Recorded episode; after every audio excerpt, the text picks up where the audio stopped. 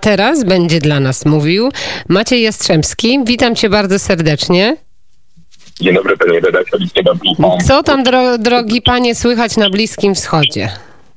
Co prawda na Bliskim Wschodzie nie słychać może muzyki, e, w każdym razie w polityce, ale natomiast pewnym jest to, że do e, Sahary Zachodniej właśnie wkroczyły wojska e, marokańskie. E, I o tym pisze Al Jazeera. Następujące słowo. Maroko podkreśliło, że sytuacja na przejściu granicznym w Al Karakarat, zwanym również El Gerguerat, to jest w niewielkiej miejscowości w południowej części Sahary Zachodniej, wraca do normy, o tym Al Jazeera. Ale cóż się tam stało?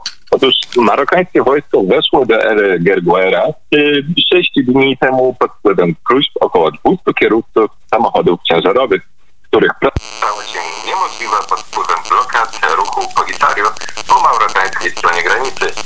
Marokański premier Saad ad-Din al-Usmani powiedział, że jego kraj zakończył budowę wału zachodnio-saharyjskiego w regionie pomiędzy marokańskim i maurytańskim przejściem granicznym. I teraz kilka słów o tym wale. Otóż, otóż wały zachodnio-saharyjski to system fortyfikacji o długości ponad 2700 km leżący na obszarze Sahary Zachodniej i południowo-wschodniego Maroka.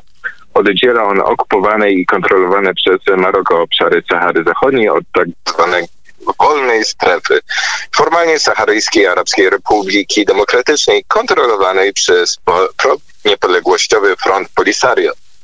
Ale Usmani powiedział we wtorek wieczorem agencji Reuters, że celem budowy wału jest ostateczne zabezpieczenie ruchu obywateli i handlu na drodze przez przejście graniczne w El Gerguerat na marokańsko-mauretańskiej granicy. Premier podkreślił obowiązek nałożony na jego kraj dotyczący zawieszenia broni przeciwko frontowi Polisario, dodając, że ostatnie wydarzenia były niczym innym jak podjazdami wojskowymi. Polityk powiedział, że marokańskie wojsko otrzymało rozkazy, aby odpowiedzieć na ataki Polisario i że długość wybudowanego wału nie obudzi obaw.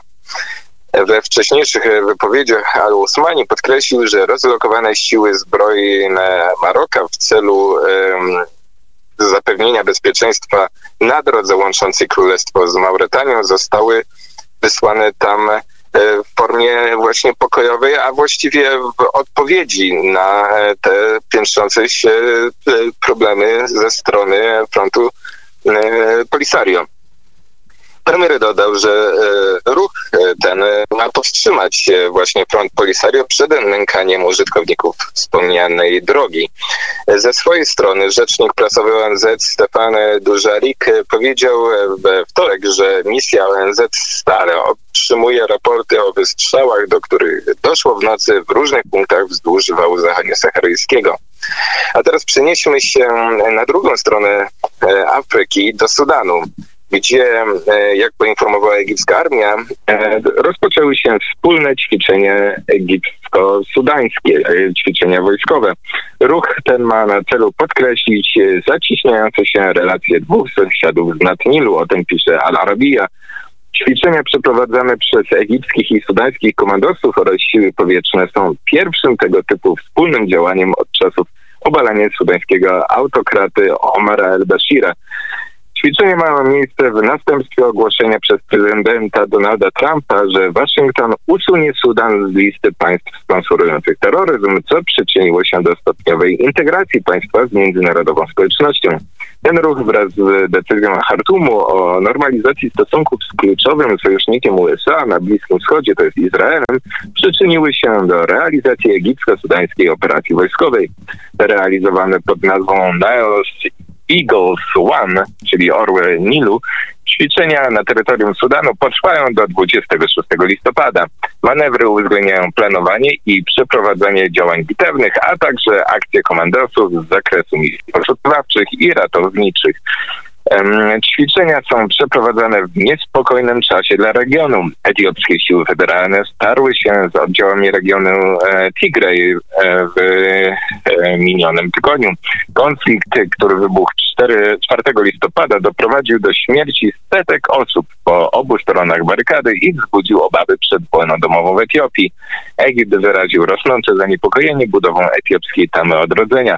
Kairo obawia się, że ukończenie projektu zmniejszy jego udział w wodach Nilu, ponieważ błękitny Nil, na którym powstaje Tama, jako dopływ e, stanowi 80% udział w objętości Nilu Białego. Co więcej, Nil jest niemal jedynym źródłem wody pitnej Egiptu i zapewnia mu większość zasobów energetycznych. E, ze swojej strony Etiopia zapewnia, że Tama nie będzie miała negatywnego wpływu na Egipt, Sudan i twierdzi, że projekt jest kluczowy dla jej rozwoju. A teraz słowem komentarza. Plan rozwojowy Etiopii zakłada, że kraj ten dzięki swej tamie stanie się głównym eksporterem energii na Afrykę.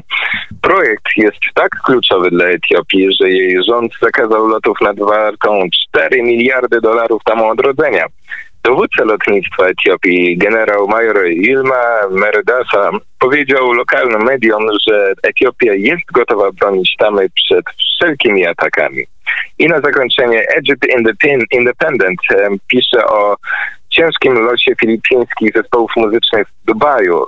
Bary hotelowe wzdłuż Dubai Creek opustoszały w wyniku restrykcji antykowidowych.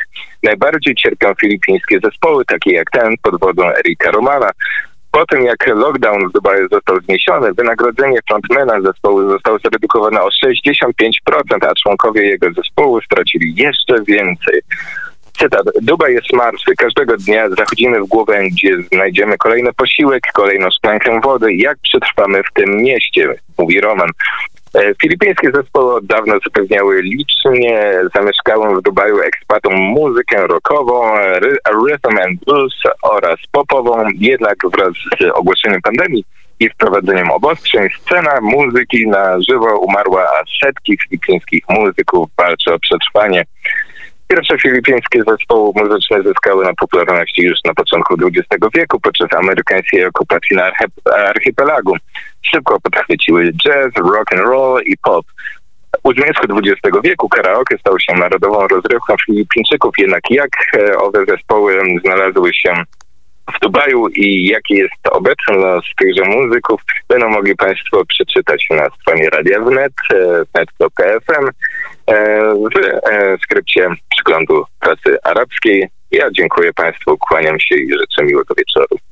Bardzo dziękujemy. Przegląd prasy arabskiej jak co czwartek w wykonaniu Macieja Jastrzębskiego. Oczywiście dziękujemy i także życzymy pięknego wieczoru.